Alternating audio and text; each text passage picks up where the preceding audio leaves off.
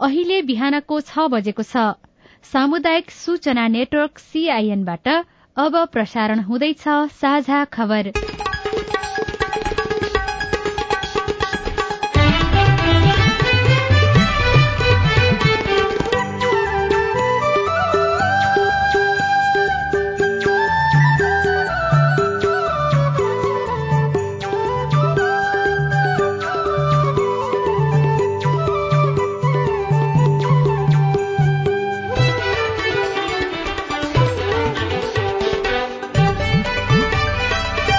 शुभ प्रभात यो सीआईएनको साझा खबर हो। उषा तामाङसँगै लील प्रकाश चन्दको तपाईँलाई स्वागत छ।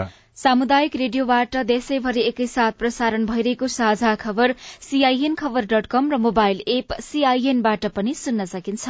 आज दुई हजार उनासी साल कार्तिक एक गते मंगलबार अक्टोबर अठार तारीक सन् दुई हजार बाइस नेपाल सम्बत एघार सय बयालिस। कार्तिक कृष्ण पक्षको अष्टमी उपरान्त नवमी तिथि। साझा खबरमा प्रमुख खबरका शीर्षकहरू। निर्वाचन केन्द्रित सभा समारोह कार्तिक अठारदेखि मात्रै गर्न पाइने आचार संहिता कार्यान्वयनमा मतदाताको भूमिका महत्वपूर्ण घृणा जन्य अभिव्यक्ति नियन्त्रणमा फेसबुकले सघाउने। प्रतिनिधि र प्रदेशसभा निर्वाचनमा पाँच सय तीन प्रकारका मतपत्र। औपचारिक खर्च मात्रै चौतिस अर्बको अनुमान। मैदानमा पुरानै अनुहार दोहोरिँदा समावेशी सिद्धान्त प्रभावित। इमर्जेन्सीमा बिरामीलाई दिइने औषधि दुई महिनादेखि अभाव। गरिबी निवारणको राष्ट्रिय लक्ष्य हासिल गर्न चुनौतीपूर्ण एकाउन्न लाख नेपालीमा बहु बहुआयामिक गरिबी। युद्धका कारण युक्रेन र रूसका चालिस लाख बाल बालिका गरिबीको रेखामुनि भारतमा कोरोनाको नयाँ उपस्वरूप पुष्टि ग्रीस र टर्की सीमामा सयजनाको शव भेटियो राष्ट्रसंघद्वारा चिन्ता व्यक्त। र नौ राष्ट्रिय खेलकुद प्रतियोगितामा आर्चरी तर्फका फाइनल प्रतिस्पर्धा आजदेखि टी ट्वेन्टी विश्वकप क्रिकेटमा आज पनि दुई खेल हुने।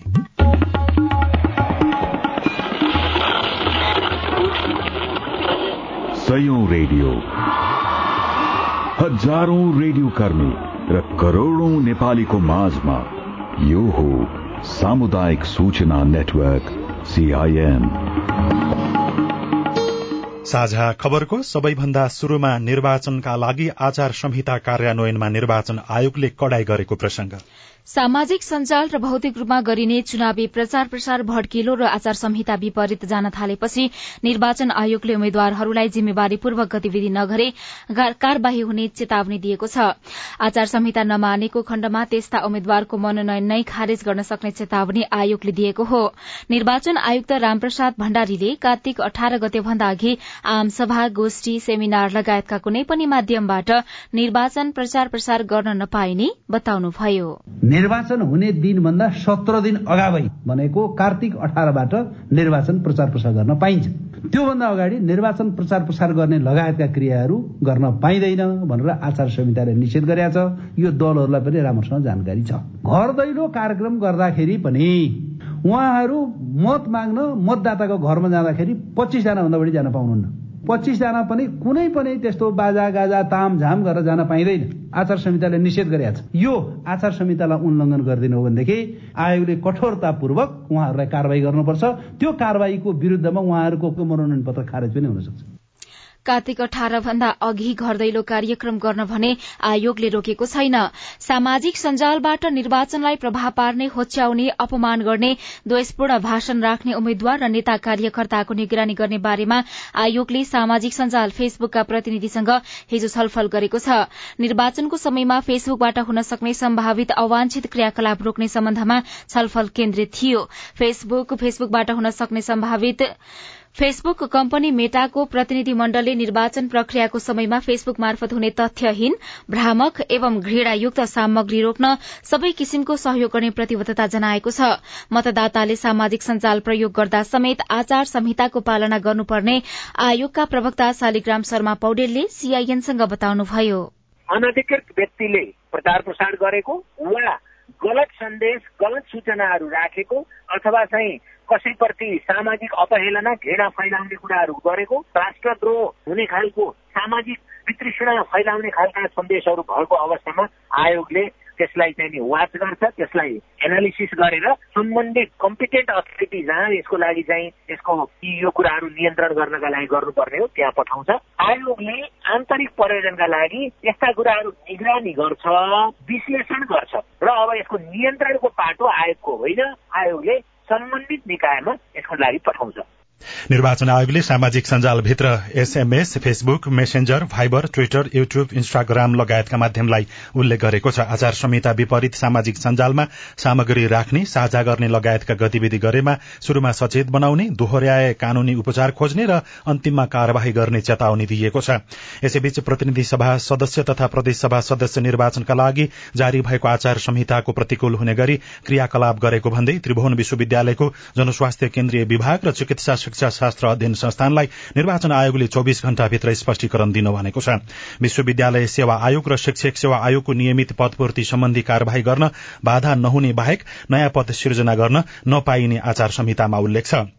रिक्त पदपूर्ति गर्ने भत्ता बढ़ाउने लगायतका कुनै पनि आर्थिक सुविधा र पुरस्कार प्रदान गर्न नहुने पनि आचार संहिताको व्यवस्था स्मरण गराउँदै ती निकायले शुरू गरेको करार सेवामा पदपूर्ति प्रक्रिया नियमित प्रक्रिया हो या होइन भनेर आयोगले सोधेको छ। निर्वाचनमा बाघी उम्मेद्वारी दिएका नेतालाई दलहरूले कार्यवाही शुरू गरेका छन्। नेपाली कांग्रेसले उम्मेद्वारी निष्क्रिय पारेको अवस्थामा कार्यवाही नगर्ने भने पनि अटेर गर्नेहरूको सूची बनाएर कार्यवाहीको तयारी गरेको हो। नेकपा माओवादी केन्द्रले उम्मेद्वारी फिर्ता नलिएका बाघी उम्मेद्वारलाई निष्कासन गरेको छ।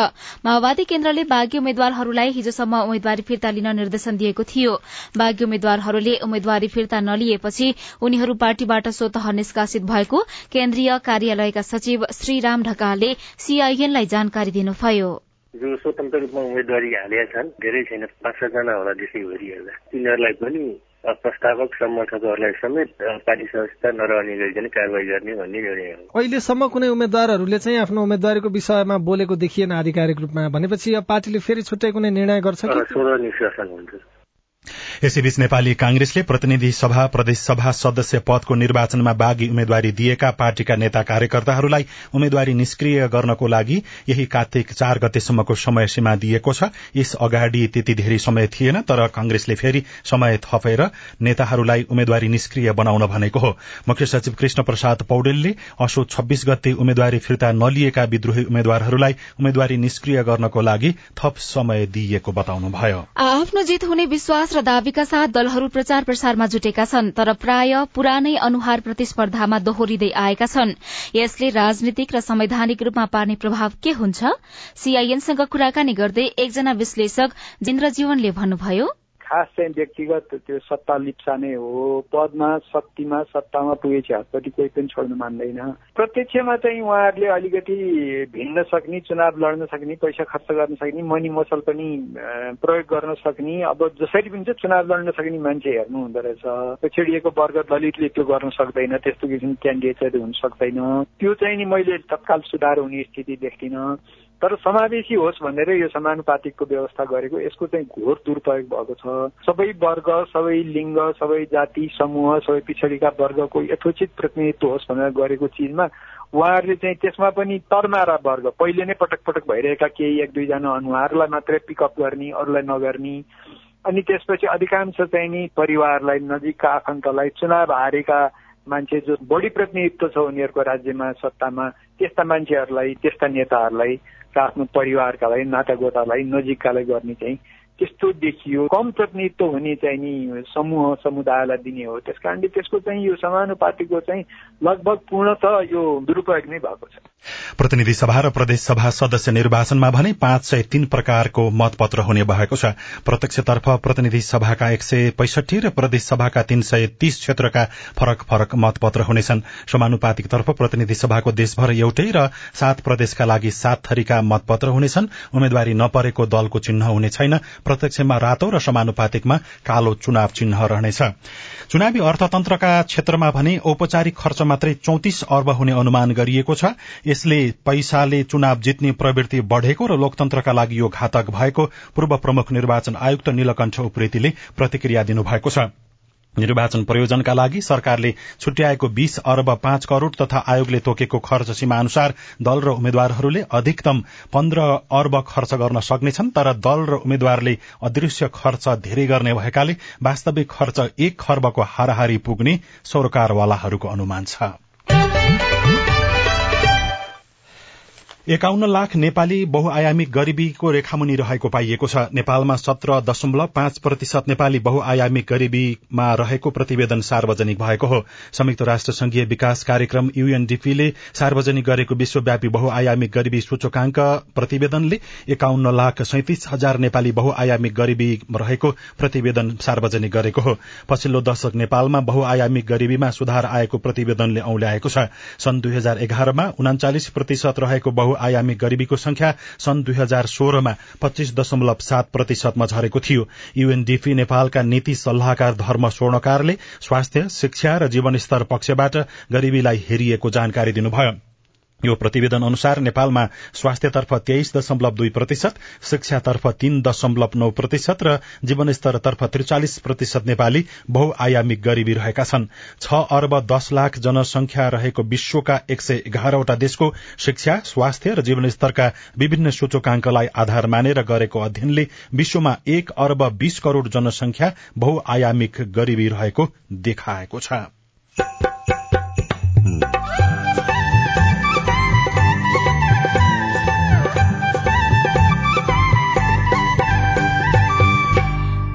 सामुदायिक सूचना नेटवर्क सीआईएन मार्फत देशभरि प्रसारण भइरहेको साझा खबरमा सल्यानको ग्रामीण बस्तीका बालबालिकामा कुपोषणको समस्या कायमै। घरमा त्यही मकै र गहुँ हुन्छ हँसी चामल किन्छौँ अरू रोटी भाती अरू के खुवायो त केही नै।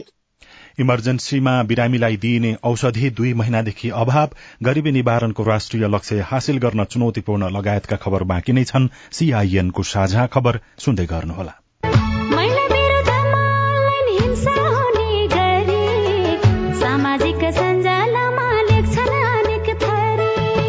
गाली गर्ने चरित्रमा दाग लगाउन खोज्ने झुटा आरोप लगाएर भरम फैलाउने लैङ्गिक रूपमा अल्पसङ्ख्यक जो छन् वरिपरि नाना थरी हिंसा गर्छन् होच्याउने गरी। नजिस्काउनु शरीर र यौनिकतालाई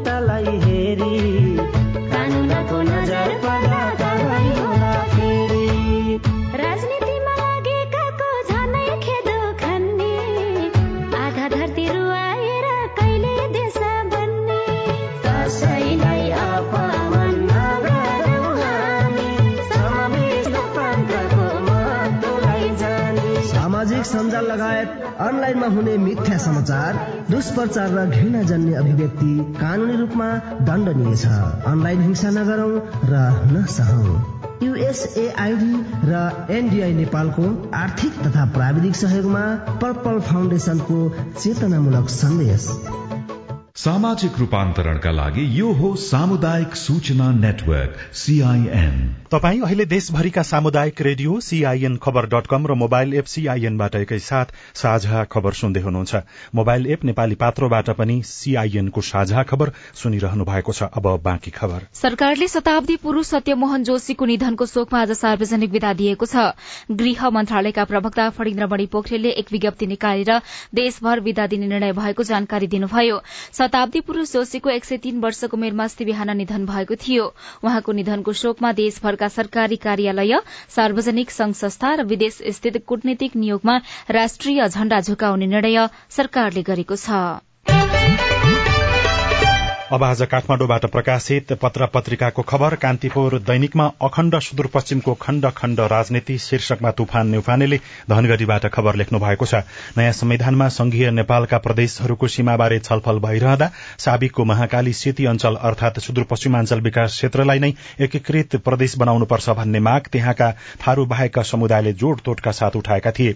उक्त मागलाई अखण्ड सुदूरपश्चिम नारा मार्फत अभिव्यक्त गरिएको थियो। सुदूरपश्चिम पहाड़का प्रभावशाली नेताहरूको बलमा त्यही अखण्ड सुदूरपश्चिमको भूभागलाई शुरूमा प्रदेश सात बनाइएको थियो। पछि प्रदेश सभाले नाम परिवर्तन गरेर सुदूरपश्चिम प्रदेश राखेको छ।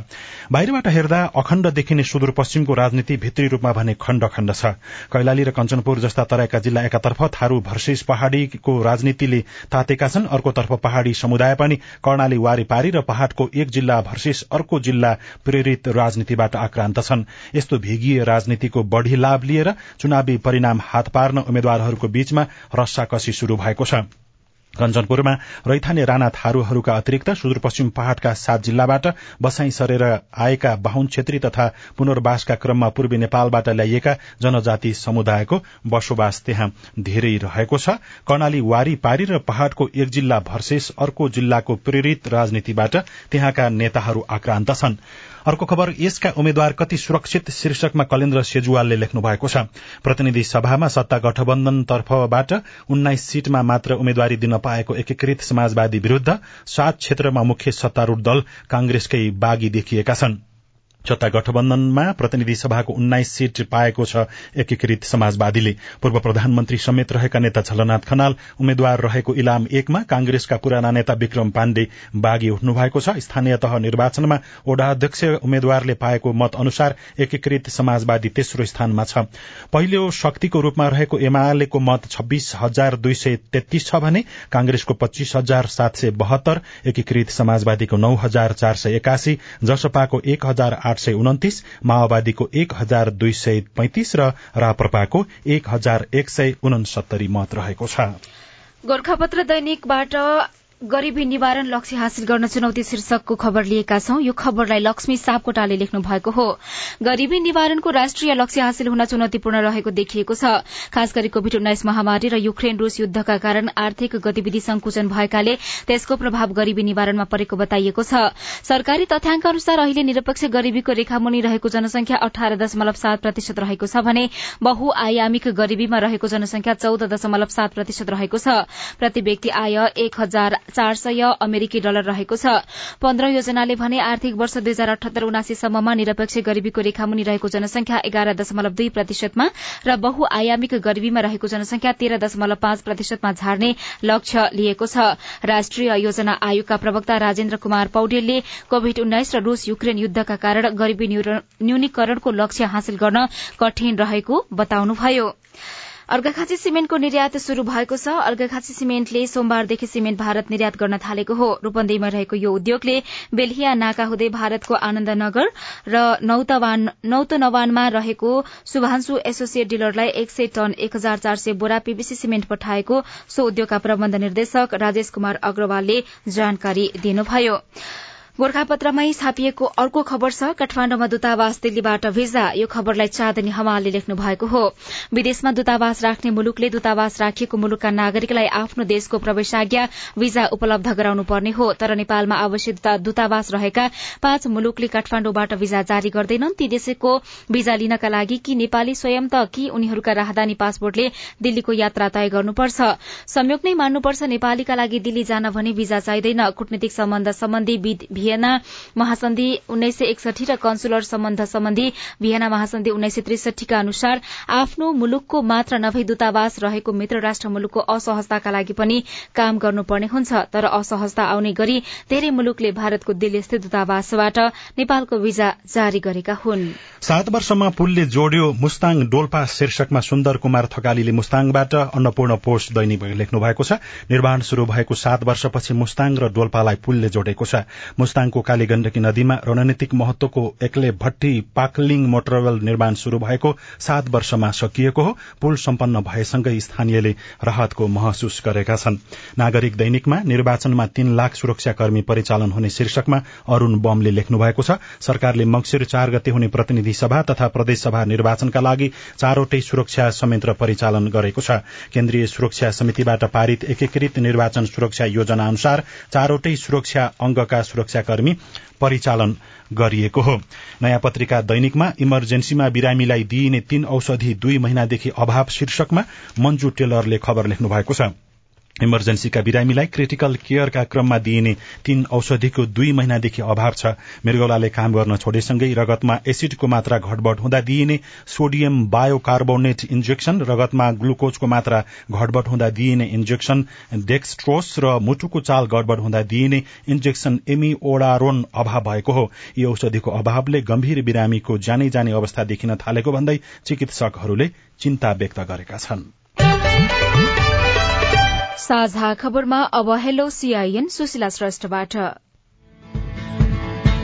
नमस्कार म प्रविधि कणेल बर्दिया ठाकुरबाबा नगरपालिका वडा नम्बर नौबाट यो लोकसेवा आयोगले लिएको काठमाडौँ उपत्यका खानेपानी लिमिटेड दुई हजार सतहत्तर र अठहत्तर सालमा इक्जाम दिएको विज्ञापन खुलाइराख्ने रिजल्ट चाहिँ नआउने भएको के कारणले होला? तपाईँको प्रश्न हामीले लोकसेवा आयोगका प्रवक्ता तोय नारायण सुवेदीलाई सुनाएका छौं।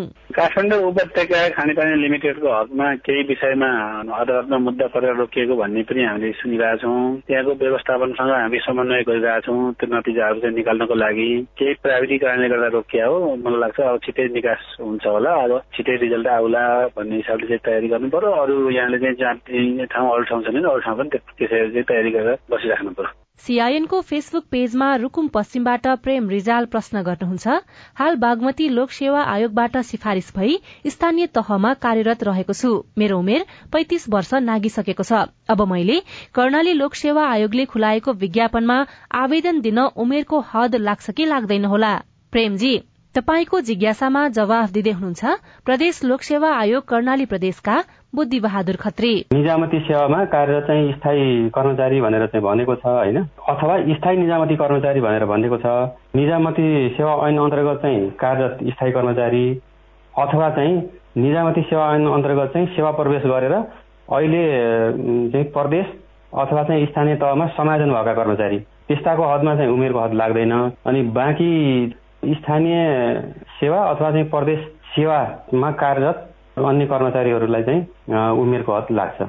म ठाटीकाँत गाउँपालिका वडा नम्बर छबाट विष्णु भण्डारी विद्यालय कर्मचारीको वैशाखदेखि असारसम्मको तलब पनि पाएका छैनौँ हामीले पोसाक भत्ता पनि पाएका छैनौँ। चौमासिकमा सबैको तलब बढेर आयो विद्यालय कर्मचारीको तलब किन बढेन? तलब कहाँ रोकिएको छ यसको जानकारी पाऊ। जानकारी गराउँदै हुनुहुन्छ गाउँपालिकाका निमित्त प्रमुख प्रशासकीय अधिकृत नेम बहादुर खत्री वैशाखदेखि असारसम्मको चाहिँ माथिबाट पठाउने तलब चाहिँ नआएर हो म्याडम होइन? छ तलब हामीले पहिला मागेका थियौँ। चौबिस गतेसम्म हाम्रो पालिका खातामा आएन। पालिका खातामा नआउँदाखेरि चाहिँ पच्चिस गते सिस्टम बन्द भएर तलब हाल्न सकिएन। माथिबाट चाहिँ तलब मागिएको छ। तलब आएपछि चाहिँ हामीले चाहिँ आउने बित्तिकै हाल्छौँ। अनि अहिलेको चाहिँ कुनै कर्मचारीको तलब त्यसरी बढाएको छैन म्याडम। हाम्रो यता कर्मचारी नै हामीसँग धेरै भएर हो। तपाई जुनसुकै बेला हाम्रो आइभीआर नम्बर शून्य एक बान्न साठी छ चार छमा फोन गरेर आफ्नो प्रश्न विचार गुनासो तथा प्रतिक्रिया रेकर्ड गर्न सक्नुहुन्छ।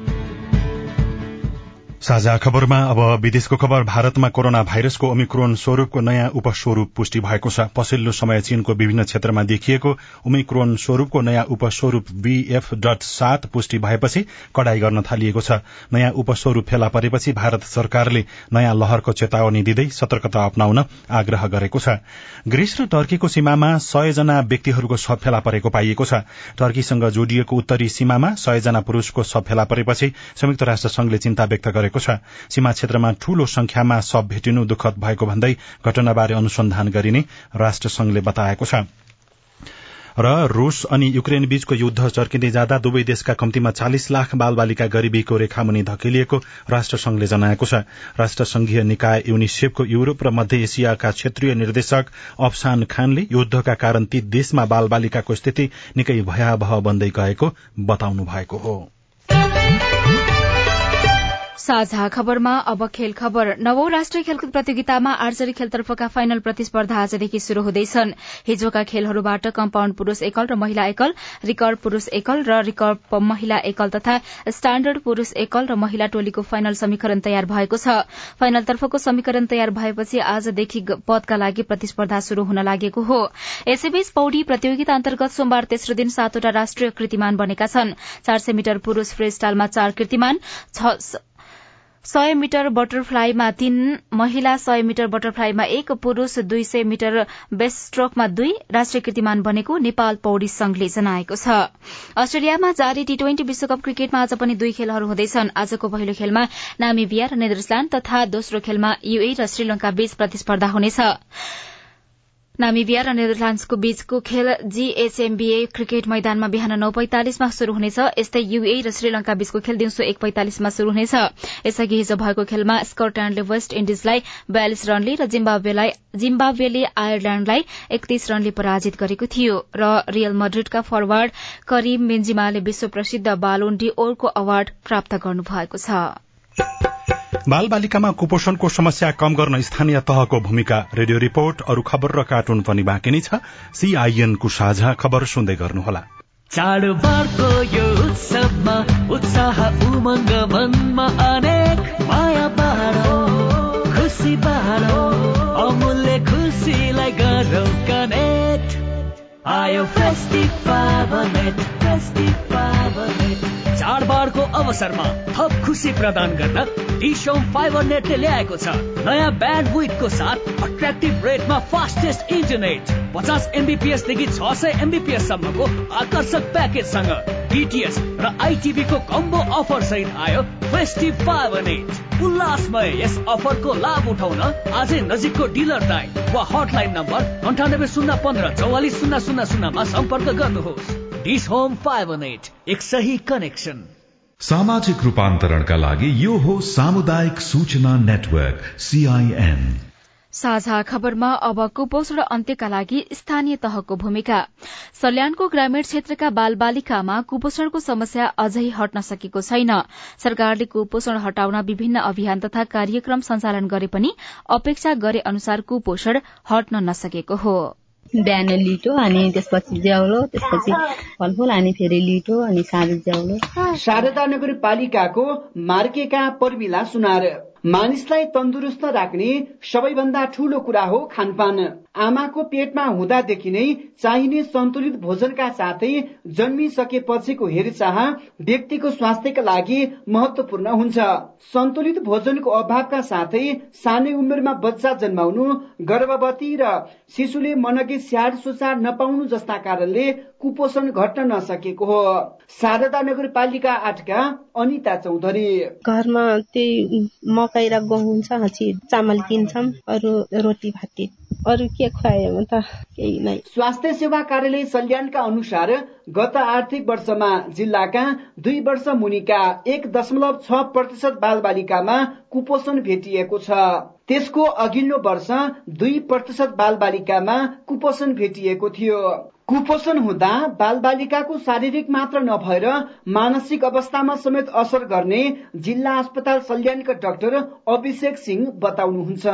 पोषणयुक्त आहारहरू नपुग्नुलाई हामीले कुपोषण भन्छौँ। बाल बालिकाहरू यदि पोषणयुक्त आहार पाएनन् भनेदेखि उनीहरूको बढ्ने समयमा पाँच वर्ष मुनिका बाल बालिकाहरूलाई खास गरेर उनीहरूको मस्तिष्कको वृद्धि विकास पनि चाहिए अनुरूप हुँदैन। दसवटा स्थानीय तह रहेको सल्यानमा सबैभन्दा धेरै शारदा नगरपालिकामा दुई दशमलव चार प्रतिशत र सबैभन्दा कम कुमाक गाउँपालिकामा शून्य दशमलव छ प्रतिशत बाल बालिकामा कुपोषण भेटिएको छ। यस्तै सिद्धकुमाकमा दुई दशमलव तीन प्रतिशत त्रिवेणीमा दुई दशमलव दुई प्रतिशत छत्रेश्वरीमा दुई दशमलव एक प्रतिशत बागचौरमा एक दशमलव आठ प्रतिशत दार्मामा एक दशमलव छ प्रतिशत बनघाटको पिण्डेमा एक दशमलव पाँच प्रतिशत कप्रुकोटमा एक दशमलव तीन प्रतिशत कालीमाटीमा एक प्रतिशत बाल बालिकामा कुपोषण रहेको स्वास्थ्य सेवा कार्यालय सल्यानको तथ्याङ्क छ। कुपोषण हटाउनु स्थानीय सरकारको पनि मुख्य सरकारको विषय बनेको छ। त्यसैले केही पालिकाले कुपोषण घटाउन बजेट नै छुट्याएर काम गर्न थालेका छन्। शारदा नगरपालिका स्वास्थ्य शाखामा कार्यरत जनस्वास्थ्य निरीक्षक वीरेन्द्र हमाल। कुपोषणको अवस्थालाई न्यूनीकरण गर्नको लागि बहुक्षेत्रीय पोषण योजना अन्तर्गत चाहिँ सम्पूर्ण शाखाहरूले परिचालित गर्ने गरेर सात लाख रुपियाँ बजेट विनियोजन पनि गरेको छ। वर्तमानमा कुपोषण अन्त्य गर्न नसके त्यसको दुष्परिणाम भविष्यमा पनि पर्नेछ। भुल्न नहुने कुरा के हो भने अहिले आवश्यक मलजल गर्न सके मात्रै बिरुवाले भविष्यमा राम्रो फल दिन सक्छन्। बुद्धिपुन सिआइएन सामुदायिक रेडियो राप्ती सल्यान। रिपोर्टसँगै हामी साझा खबरको अन्त्यमा आइपुगेका छौं। सामुदायिक रेडियो प्रसारक संघद्वारा संचालित सीआईएनको बिहान छ बजेको साझा खबर सक्नु अघि मुख्य मुख्य खबर फेरि एकपटक। निर्वाचन केन्द्रित सभा समारोह कार्तिक अठारदेखि मात्रै गर्न पाइने आचार संहिता कार्यान्वयनमा मतदाताको भूमिका महत्वपूर्ण घृणाजन्य अभिव्यक्ति नियन्त्रणमा फेसबुकले सघाउने। प्रतिनिधि सभा र प्रदेशसभा निर्वाचनमा पाँच सय तीन प्रकारका मतपत्र। औपचारिक खर्च मात्रै चौतिस अर्बको अनुमान। मैदानमा पुरानै अनुहार दोहोरिँदा समावेशी सिद्धान्त प्रभावित। इमर्जेन्सीमा बिरामीलाई दिइने औषधि दुई महिनादेखि अभाव। गरिबी निवारणको राष्ट्रिय लक्ष्य हासिल गर्न चुनौतीपूर्ण। एकाउन्न लाख नेपालीमा बहुआयामिक गरिबी। युद्धका कारण युक्रेन अनि रूसका चालिस लाख बालबालिका गरिबीको रेखामुनि भारतमा कोरोनाको नयाँ उपस्वरूप पुष्टि। ग्रीस र टर्की सीमामा सय जनाको शव भेटियो। र नवौं राष्ट्रिय खेलकुद प्रतियोगितामा आर्चरीतर्फका फाइनल प्रतिस्पर्धा आजदेखि। साझा खबरको अन्त्यमा कार्टुन। कार्टुन हामीले कान्तिपुर दैनिकमा अबिनले बनाउनु भएको गजब छब्बा शीर्षकको कार्टुन लिएका छौं। व्यङ्ग्य गर्न खोजिएको छ। पछिल्लो समय सत्ता गठबन्धन छ। गठबन्धनका नेताहरू कांग्रेसले लाल सलाम र कम्युनिष्टले जय नेपाल भन्ने प्रवृत्ति देखिँदै गएको भनेर यहाँ व्यङ्ग्य गर्न खोजिएको छ। एकजना नेता जस्ता देखिने व्यक्तिले हात उठाइराखेका छन्। मञ्चमा छन् र मञ्चको पछाडिपट्टि अरू केही नेताहरू जस्ता देखिन्छन्। उनीहरूको बीचमा कुराकानी भइराखेको छ। तल चाहिँ यस्तो लेखेको छ। होइन हौ त्यसले त लाम सलाम गर्दै हिँड्दैछ त। ए हो र पक्कै पनि त्यो गठबन्धनवाला कांग्रेसी हुनुपर्छ। हवस् त प्राविधिक साथी सुनिल राज भारतलाई धन्यवाद। अहिलेलाई लील प्रकाश चन्द र उषा तामाङ विदा भयौं। तपाईँको आजको दिन शुभ होस्। नमस्कार। यसपछि देशभरिका सामुदायिक रेडियोबाट कार्यक्रम संवाद प्रसारण हुनेछ। सुन्ने प्रयास गर्नुहोला।